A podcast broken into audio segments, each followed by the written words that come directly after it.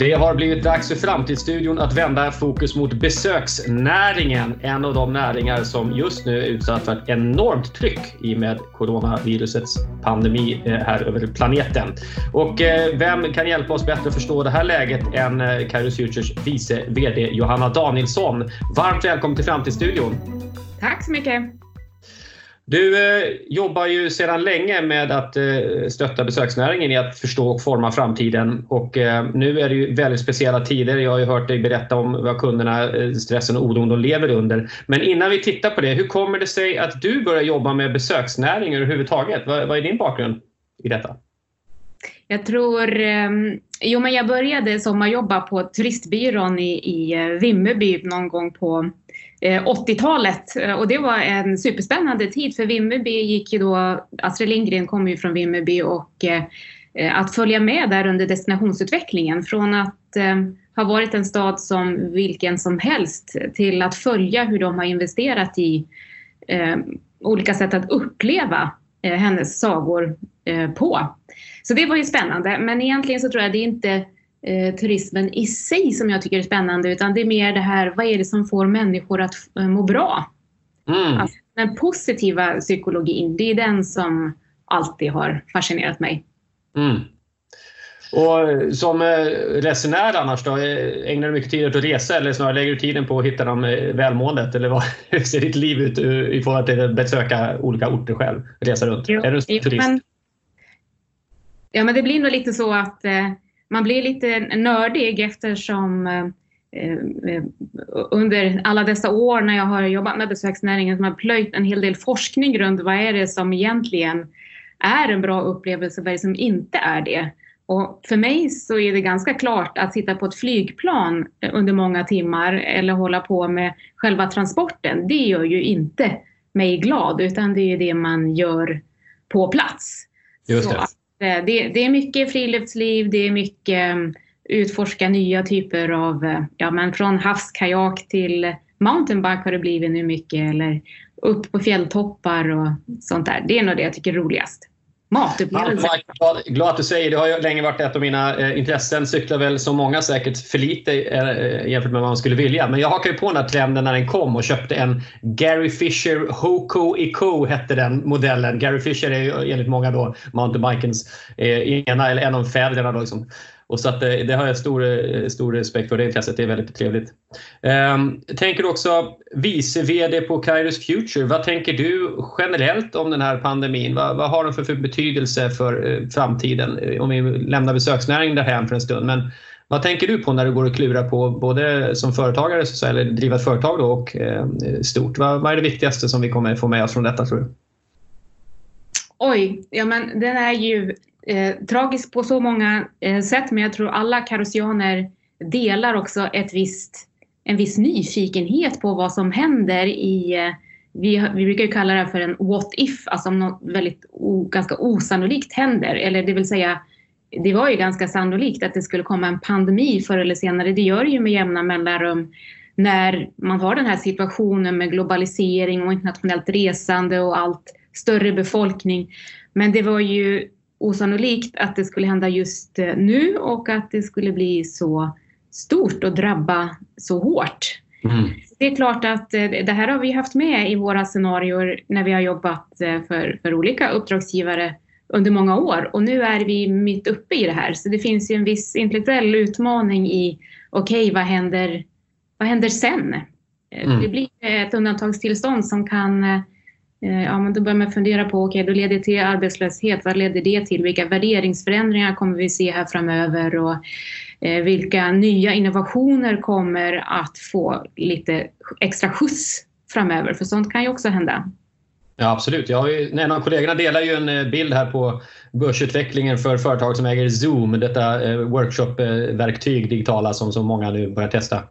Eh, Jag tänkte också på andra saker på sociala medier har ju varit både mm, Bill Gates TED-talk om vi är inte förberedda för pandemier som jag tror han släppte för det kom för två år sedan och 21 miljoner visningar och sådär. Och även Hans Rosling som svarar i en artikel någonstans att han är, en av sakerna han var mest rädd för var en pandemi. Mm. Och då tänker jag Eh, borde vi som, tror att vi som framtidsstrateger när vi möter människor kommer prata mer om de här akuta kriserna? För det här är ju så att säga ingen trend. Och vi pratar ofta långsiktiga förändringar som pågår över tid. Och så här. Men vi pratar inte så mycket om explosionerna som ibland uppstår. Eh, borde vi prata mer om det framöver tror du?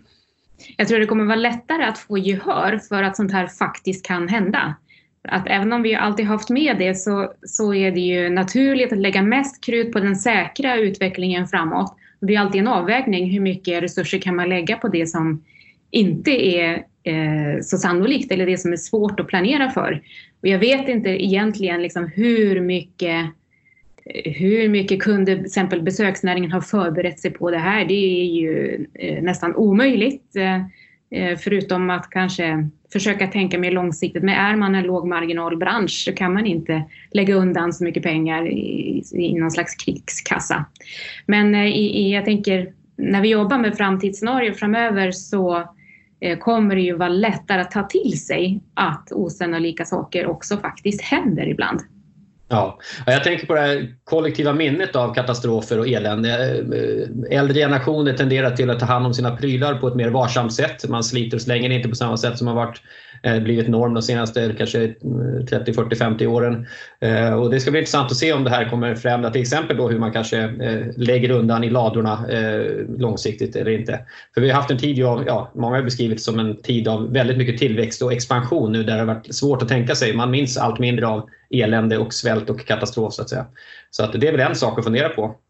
En annan sak som jag själv klurar på faktiskt, det här tycker jag är intressant nu, det skrivs mycket om de starka männen här nu i världen som, eh, som senast idag i DN kommenterades hur Alexander Lukasjenko, Europas sista diktator, föreslår en, en eh, femma vodka och en bastu så klarar man sig undan mm. covid-19. Och jag tycker det är komiskt med det här, även Trump och Bolsonaros responser. Vad jag tror vi får se det är ju så att säga, den gamla traditionella manlighetens dummaste sida. Det vill säga, jag blir inte rädd, jag kan inte skrämmas, jag visar ingen oro och negativa känslor utan jag är stabil. Men det kommer till så överdrivet korkade eh, förslag på hur vi ska lösa det. Och det tycker jag är intressant att se om det kommer påverka eh, hur ledarskap ser ut och hur man kanske får tydligare för sig vad det här eh, traditionellt sett ganska maskulina ledarskapet, var det brister någonstans. Och det är bland annat de här tillfällena tror jag när det behövs mer empati och, och kanske mer eh, omsorg och solidaritet. Och, och, det här har de verkligen kommit till korta. Men vi får väl se vilka spår det sätter i politiken framöver.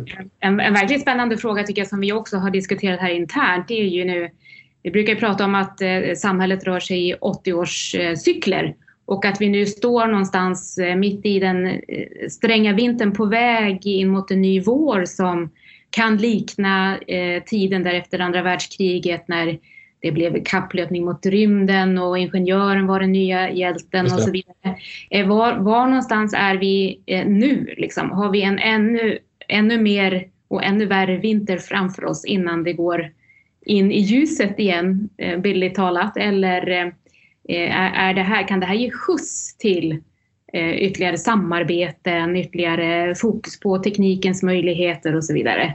Den är ju jättespännande. Ja, verkligen. verkligen. Och det har ju tidigare pratats om likheterna med 30-talet och man tänker nu om det blir depression beroende på hur illa det kommer bli. Eh, som jag tänker bland annat förde fram en samsyn kring att man behövde välfärdssamhällen. Alltså att man efter andra världskriget mm. insåg det. För annars får vi politiska avarter som kommunism och fascism och så vidare. Eh, kommer vi se något liknande. Eh, skräckscenariot vore förstås att det dök upp något ännu värre inom kort. För det här är, av alla tänkbara pandemier så är den ju är ganska lindrig ändå. Även om det är tragiskt det som händer för många individer och familjer så, så, så skulle man lugnt kunna tänka sig ett mycket värre virus. Samtidigt som jag förstod häromdagen att ett bra virus har en optimal balans mellan dödlighet och eh, smittsamhet. För är den för dödlig så dödar den av så mycket att den hinner inte sprida sig. Så det kanske finns ett naturligt sätt för dem, alltså de begränsas av sin egen eh, kapacitet och sin potens. Mm, nej, det är sant. Det kan ju vara ett, eh, ett, ett relativt sett vänligt skott framför bogen från ja. naturen att nu behöver ni förbereda er för att det här, så här går det när man är så här många och reser så här mycket. Och äter så här konstig mat på konstiga ställen. Ja. ja. Ja, men med det sagt då, eh, låt oss titta närmare på besöksnäringen. Eh, den stora frågan folk frågar sig förstås är, kommer resandet att återhämta sig? Vad säger du? Um, ja, den, den, eh, den, är ju en, en stor fråga. Jag um, grävde faktiskt fram, jag har tidigare um, forskat tillsammans med katastrofforskningsinstitutet i Tyskland. Jag har bott många år i Tyskland.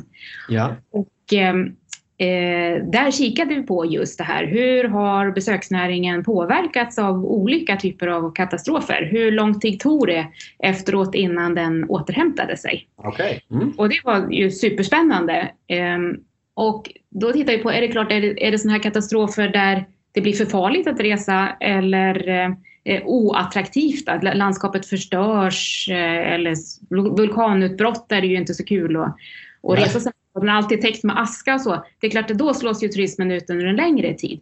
Men när det är eh, den typen av kriser och katastrofer eh, där, som inte riktigt syns, om vi tar Tjernobyl till exempel, kikade ja. vi på. Ja, då, då så, det, det syntes ju inte. Det, man visste att det var farligt med strålningen, inte jättefarligt på de flesta besöksmål eh, som inte liksom låg i närheten av just själva eh, Tjernobyl. Eh, men utan det enda sättet att ta in det här det var ju genom eh, medierapporteringen. Mm. Och då kunde vi ju se att så fort medierapporteringen eh, försvann, alltså de stora svarta rubrikerna om strålning, så glömde ju folk väldigt snabbt bort det där. Samma sak gällde till exempel när säldöden i, i Östersjön. Då såg man ju sälarna på stranden men så fort de var bortstädade så hade man en stor diskussion om gifter i vattnet och så vidare. Men så, så snart tidningarna slutade rapportera om det så glömde folk bort det och reste som vanligt. Mm. Så att här är väl lite lik skulle jag säga till exempel Tjernobyl för den här ser vi ju inte heller riktigt och den är inte jättefarlig för de flesta. Utan det är ju genom medierapporteringen som vi får en uppfattning om att den påverkar eh, oss så då skulle man kunna tänka att så snart eh, vi har kommit över, flera länder har fått sin flockimmunitet och, och medierna, det beror på också vad som händer i övrigt i världen.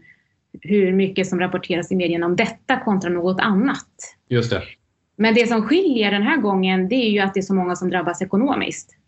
Så då har man det ena, vilja resa, det kan återhämta sig snabbt. Men kunna resa, det kommer ju ta längre tid nu när vi har Eh, Eh, stor arbetslöshet eh, framför oss och det är många som har förlorat sina företag och eh, åtminstone någon i familjen kanske. Så då är det ju en ganska stor andel av eh, världens befolkningar som inte kommer att kunna på samma sätt eh, längre.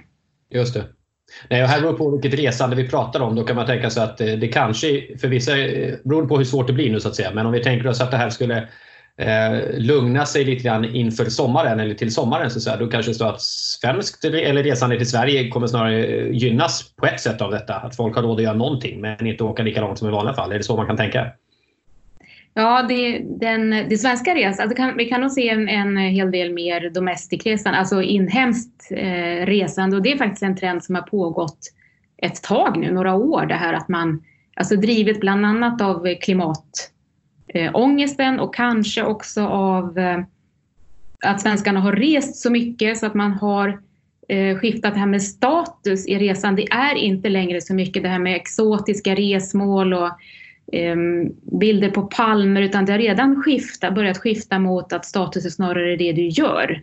Mm. Så det, då, det här inhemska resandet kan absolut få en extra boost av detta. Och det är ju som du säger att skulle vi ha uppnått flockimmunitet till sommaren och restriktionerna lyfts, då skulle det kunna bli en kanonsommar när det gäller inhemskt resande.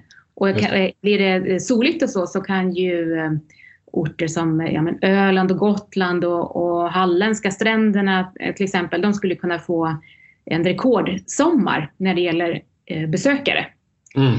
Sen är det ju så här att det är ju egentligen det internationella resandet som ger mest pengar i, i kassan. Och det är ju osannolikt, tror jag, att vi kommer se ett internationellt resande eh, redan till sommaren.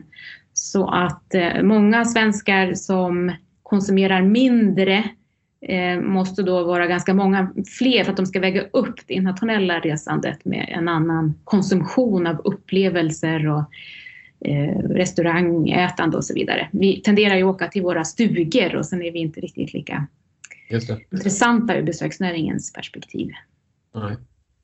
Ja, och med det här sagt då, eh, den stora frågan som eh, naturligtvis är lite väl generell på ett sätt, men eh, kommer besöksnäringen överleva? Eller vilka delar står bäst rustade och vilka riskerar att drabbas kanske till utplåning av detta? Vad är din prognos?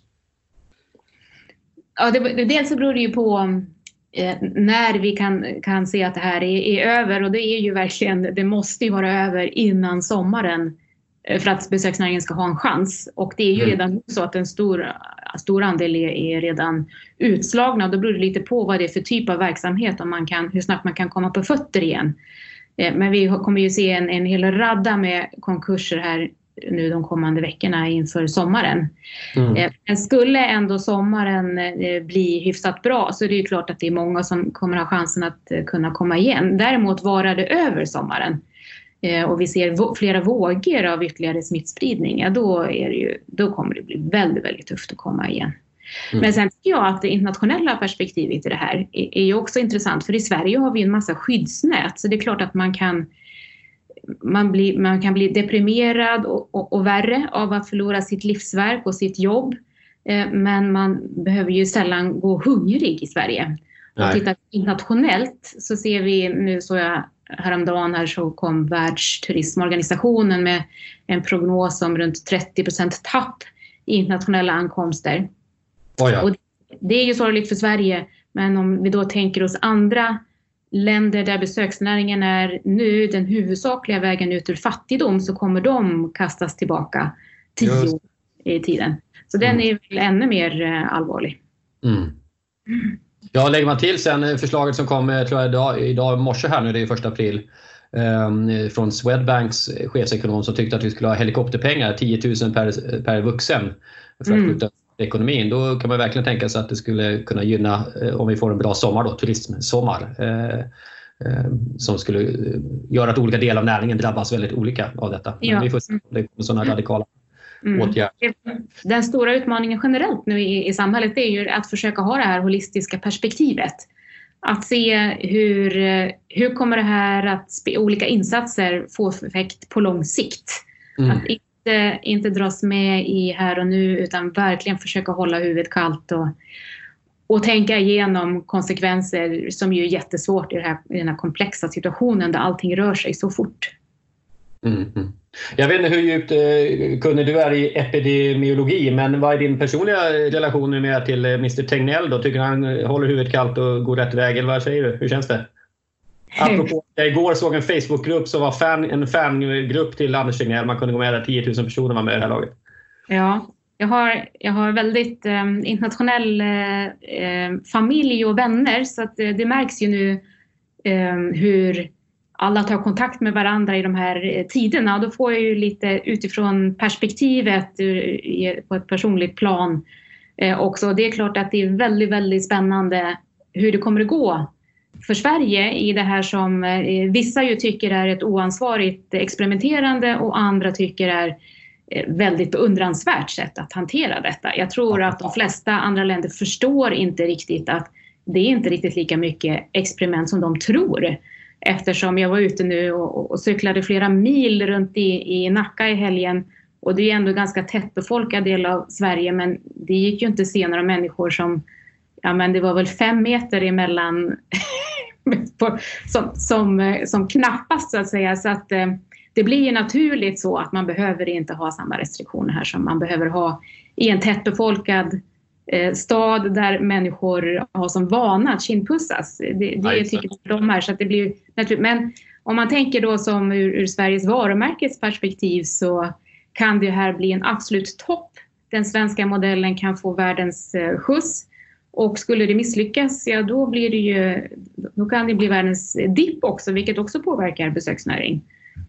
Ja, det skulle jag tänka omvärlden skulle säga. Nu gör de det igen. Förut var det flyktingkrisen och nu är det en pandemi. Så. Alltså, när ska de lära sig att följa ja. omvärldens klokskaper? Men, så att det, det, är på det sättet mycket som står på spel. Och jag gissar att Skavlan redan har skickat en förfrågan till Tegnell om att komma och besöka när det lugnar ner sig. För det här vill man ju förstås höra mycket mer om. Han eh, verkar vara en sval snubbe. Eh, så. Ja, eh, men finns det något bra då med den här krisen ur ett besöksnäringsperspektiv? Vad, vad tänker du? Ja, det, det, är ju svårt att säga det eh, just nu när, när, företagsledare och ägare ligger och gråter eh, över förlorad livsverk. Men varje kris eh, är ju de facto en möjlighet att skapa nya saker också. Och man kan ju tänka sig att ja, men vi har ju sett en, en rad initiativ som med hämtmat och hur folk har stängt, stängt om på olika sätt. Vi kan ju se att ehm, ja, men, trender kan få fart som till exempel automationen som ju har varit talats mycket om i besöksnäringen. Ja. Mycket som automatiseras när det gäller information och bokning men inte så mycket i produktionen. Men man kan ju tänka sig att efter den här eh, krisen när man då har att välja mellan att köpa in fler robotar eller algoritmer för att sköta grejer eller nyanställa så kan ju det få eh, fart med automationen för man är, befinner sig i ett nytt läge. Just det. Eh, robotar har svårt att bli sjuka också. Ja. ja, exakt. Det blir, många, det blir en annan stabilitet i det. Eh, om det är bra eller inte, det, det är bra för en lågmarginalbransch om man då kan på så vis få till eh, större marginaler. Men det är klart att det är också, besöksnäringen är väldigt stolta över att vara eh, en, en näring som är bra på att anställa människor på sitt första jobb oavsett om man är ung eller om man kommer från ett annat land. Så där är, är det, det är inte positivt ur alla perspektiv så att säga. Jag, jag gissar att den precis som ibland när jag är ute och pratar med kommuner och vi pratar lite digitalisering så tänker jag att vissa branscher befolkas ju också av människor som gillar människor per se så att säga. De är inte där för ja. att man är teknikfantast. Jag gissar att besöksnäringen inte minst är fullt av extroverta människor som gillar att träffa människor och då kanske finns i den meningen kulturell också. Eh, ja. Ja, inte, inte motvilja men i alla fall lite ointresse för att ersätta de här eh, upplevelserna med maskiner istället. Precis, men de kanske nu redan eh, SAS flygvärdar går ju över till mm. orden istället. Eh, det kanske är ett bra skifte eh, för alla inblandade. Så kan det vara. Så kan det vara. Mm. Men, men, en grej som kan få en skjuts det är ju det här med eh, klimatförändringarna där vi har pratat mycket om hållbarhet. Nu har vi ju prövat att semestra på hemmaplan och det har varit bra för klimatet. Eller att vi inte rör på oss så mycket har varit bra för klimatet. Vi har fått nya vanor, uppleva virtuella upplevelser. Det skulle också kunna hålla i sig och utvecklas efter det här. Alltså det blir ju eh, ja, möten, möten mellan människor när det gäller affärsresande. Nu har ju, eh, jag har ju bott i Norrbotten, där ligger man ju tio år före Stockholm när det gäller distansmöten.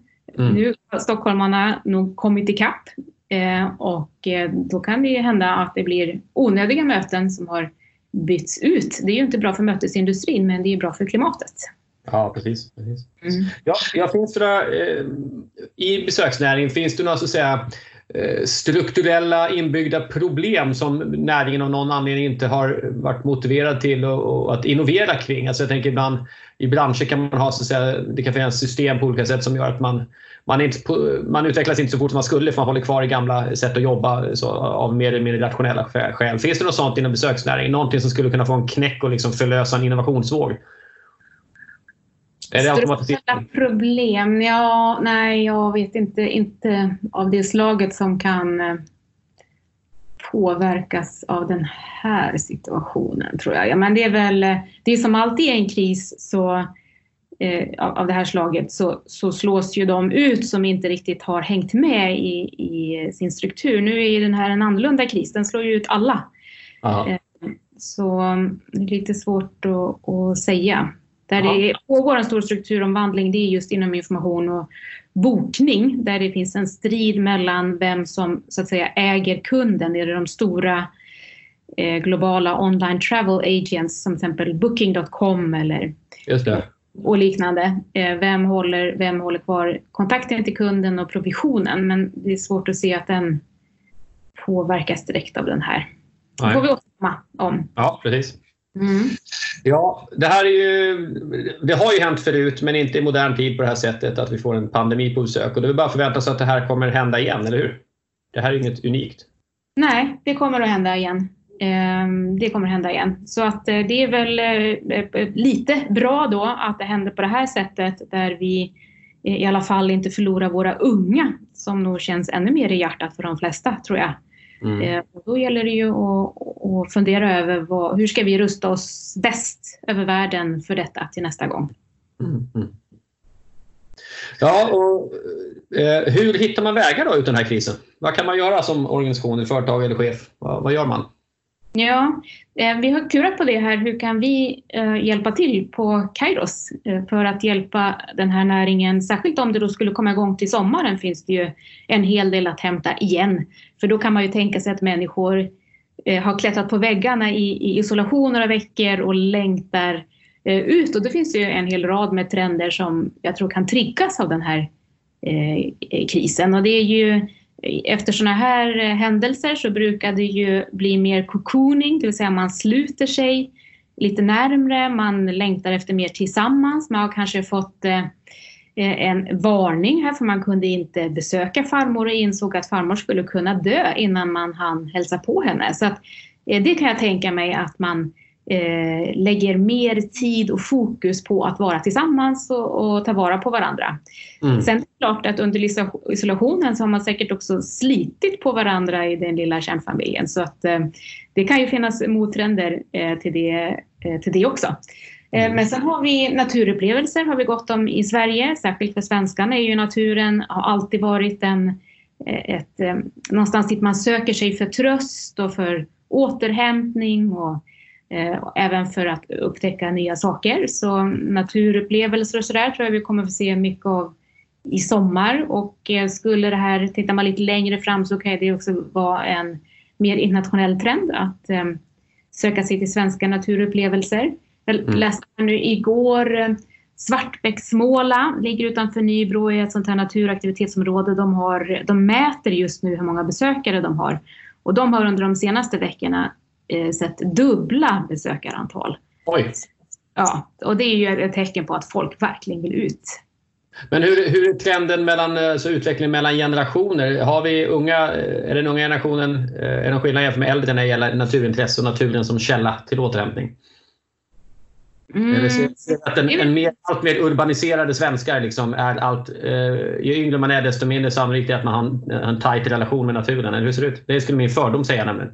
Ja, det, det, ehm, är väl lite svårt att säga men vi, vi, totalt sett är det nog ingen större skillnad med intresset för naturen men vi konsumerar på olika sätt. Alltså ju, okay. mer, ju mer man kan om naturen desto mindre hjälp behöver man ju att göra de här upplevelserna. Man, vet, man kan läsa en karta och kompass och man eh, har tränat på detta under många år. Yngre söker sig till lite mer paketerade eh, upplevelser. Ja. Mm. Men det kanske du själv har några spaningar runt som gammal scout? Ja, precis. Vad bra att du fick ut det. Jag höll på att säga något. Nej, jag säger ingenting om det. Ja, men, eh, men det låter ju högst rimligt som du säger. Det kräver ju träning att vara bekväm i naturen. Det vet ju alla som eh, själva kanske har vuxit upp med den eh, träningen och sen har barn som man ska försöka få ut i naturen. Mm. Ju tidigare man börjar desto mindre eh, obekvämt upplever de det nog att vara ute i naturen. Så att där, finns säkert, eh, där finns det säkert stort värde av att fler skulle få den kompetensen. Men sen tänker jag det här att um, varför jag frågar lite grann det här med generationer är att för var, varje generation som föds är fler och fler som har vuxit upp i en urban miljö och det behöver ju inte vara skäl till att man inte är i naturen men det naturliga liksom, mötet med naturen kräver ändå en ansträngning där, på alltså man tar sig iväg så att säga till skillnad från mm. förr. Man levde mer i spenaten och fick eh, möta den vare sig man ville eller inte, kanske på väg till skolan eller jobbet eller vad det nu var för någonting. Så att, eh, och jag tänker också på nysvenskar. Där finns ju, eh, det är en, en, väldigt stor grupp med väldigt olika erfarenheter. Men som du säger, svenskarna är ju ganska exceptionella i vår relation till naturen. Åtminstone skandinaver och Nord, Nordens, eh, eh nordiska länderna. Så att säga. Medan andra länder, inte märkt, minst märkte jag det i scoutrörelsen när jag var väldigt engagerad där, att det finns en helt annan relation där naturen antingen innehåller farliga djur och växter eller till och med kanske innehåller rester av gamla konflikter i form av eh, minor och annat som gör att naturen är liksom en plats man håller sig borta ifrån snarare än går ut och njuter. Mm. Eh, så det är intressant att se. Eh, apropå hur man påverkas av en ny kultur man kommer till, kommer vi se det. Eh, jag minns för 15 år sedan var i Sandhamn som är ju östkustens seglarmecka då där Eh, för Gotland runt startar och så vidare. Men det, det seglar, vad heter det? KSSS, Kungliga Seglarsällskapets eh, huvudkvarter eh, på sommaren. Då. Och första gången jag såg en båt med folk som, eh, att döma av utseendet, inte hade varit så länge i Sverige i alla fall. och det var så väldigt tydligt avbrott mot den annars väldigt, väldigt vita eh, homogena gruppen som hänger på de ställena. Så att, eh, det är väl någonting att följa upp i framtiden och se hur den här nya stora gruppen eh, svenskar tar sig ut i naturen och vilken relation det, det blir med denna enorma naturresurs som vi har. Eh, så att, och det är som du säger, blir en bra sommar blir det säkert en fantastisk friluftssommar. Det blir väldigt trångt förmodligen på de etablerade Kungslederna och andra ställen kan man tänka sig. Så att eh, vill man uppleva natur på riktigt kanske man får hitta nya vägar, vad vet jag. Så kan det nog vara. Det kan nog vara läge att, att boka nu också, eh, sommaren. För att det kommer ju, om, sannolikt om, om allting kommer igång till sommaren så kommer ju de bästa platserna vara fullbokade. Just det. Just ja. det. Mm, en uppmaning. Turistföreningen de kommer få en bra sommar. Så att, eh, ja, kan bli ja. så. Ja. Men så tycker jag en annan spännande grej där jag inte riktigt vet svaret då. Men eh, kommer det bli så här att vi efter en kris blir lite mer djupa i, i vårt eh, sökande efter upplevelser. Vi har, det, så kan det ju bli. Liksom man upplever en kris och så får man fokusera lite mer på viktiga saker. Vad är det som är meningen med livet och vad är det som är viktigt för mig och relationer och sådana saker. Eller blir det istället så här att uh, nu orkar jag inte längre med att ta ansvar, ta ett ansvar för att inte sprida smittan och jag har tagit ansvar och det har varit elände under flera månader. Så nu så blir det party party. Just det. Och, eh, lättsamhet, vad tror du? Ja, det var en intressant fråga. Ehm, dels tänker jag att det blir nog inte ett antingen eller förstås utan det är nog ganska mycket personlighetsdrivet eh, sådär, hur, hur jobbigt det är eh, att förhålla sig till, till eh, kollektivets bästa här nu i isoleringens tider och sådär. Och man sen får en rekyl då och drar till Ibiza och svettas så mycket man kan, så tajt man kan med massa människor. Um, sen tänker jag också det här du säger med att eh, fördjupas liksom eh, eller alltså det man vill fokusera på, det man vill uppleva på grund av en kris. Jag, jag tänker generellt, det kanske är elakt sagt, men jag tänker så här.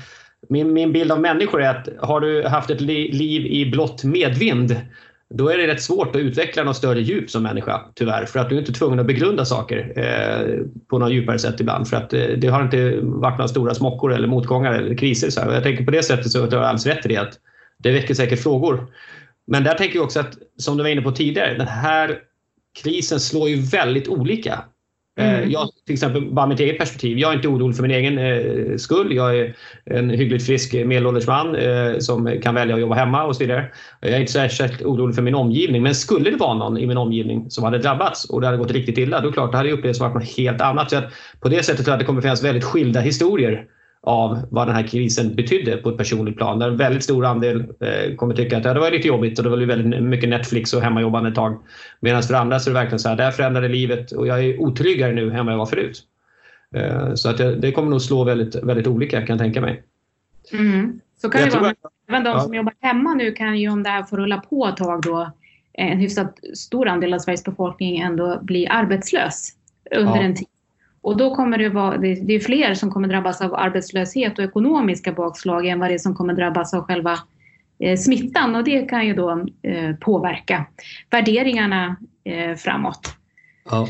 Vi, får väl, vi får väl se. Sen kan det bli så här också att man, vi pratar lite om resskam då, att man väljer att stanna och semestra hemma för att stödja Sverige och den svenska besöksnäringen. Men det skulle också kunna vara så att man tänker jag åker till Italien eller Spanien om de då hunnit få, få kontroll över sin smittspridning.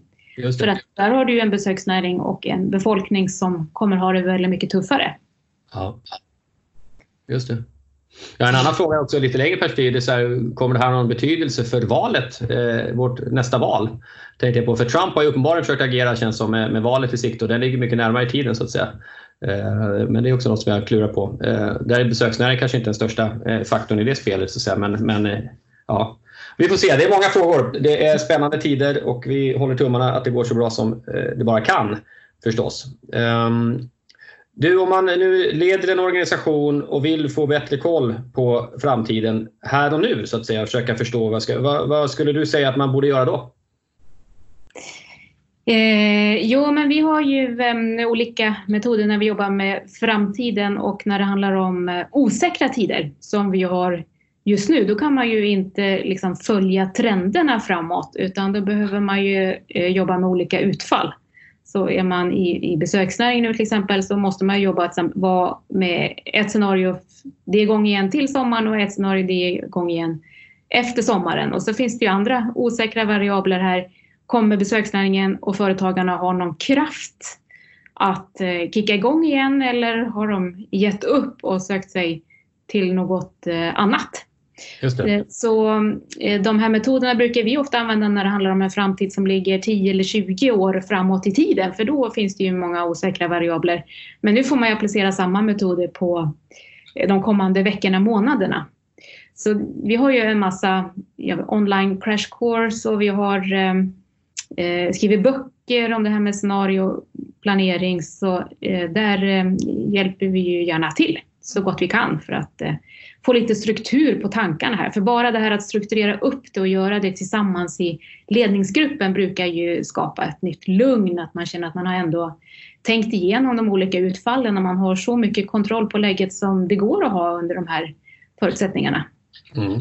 Så om jag förstår det rätt, vad du beskriver är ju snarare att teckna så att säga, möjliga framtider. Man kommer inte veta vilken det blir, men man kommer veta att oavsett vilken det blir så har vi i alla fall tänkt igenom konsekvenserna och är åtminstone mentalt och ibland eh, sen då blir mer praktiskt förberedda för de möjliga utfallen som vi tror är mest sannolika. Ja. Mm. Ja, Ja, detta om eh, besöksnäring i dessa pandemiska tider. Um, har du själv bokat semester och planerat i sommar eller ligger du lågt än så länge?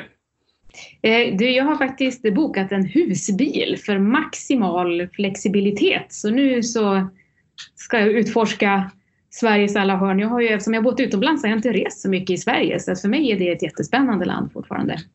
Ja, Kul! Ja, eh, det där var ju spännande. Jag kan tänka mig att det blir ett visst tryck på dem också. Det är nog fler som tänker sig husvagnar och husbilar i sommar än vanligt kanske. Vi får se. Så kan det vara, men eh, de, eftersom de utländska bokarna uteblir så, så tror jag att det finns, det finns nog kvar att boka. Ja, bra. Det får bli det avslutande tipset till alla lyssnare. Boka en husbil och möt kanske Johanna ute på någon eh, skön camping eller vad vet jag, var ni träffar på henne nästa gång. Stort tack för att du kom hit Johanna. Tack så mycket. Och på återhörande. Framtidsstudion återkommer snart igen med nya spännande spaningar om framtiden. Jag heter Fredrik Thorberger. Ta hand om er och ha det så bra. Hej! Tack för att du lyssnar på Framtidsstudion. Genom att lyfta viktiga samhällsfrågor vill vi bidra till att fler tar in framtiden i sitt ledarskap och strategiska arbete. Vill du ägna mer tid åt framtiden och omvärldsanalys? Då är du varmt välkommen till någon av våra utbildningar hos Kairos Future Academy. Vi har kurser inom omvärldsanalys, strategi, innovationsledarskap och processledning. Gå in på vår hemsida under Academy för att läsa om våra utbildningar. Eller varför inte boka en föreläsning anpassad för er organisations behov. Vi hörs!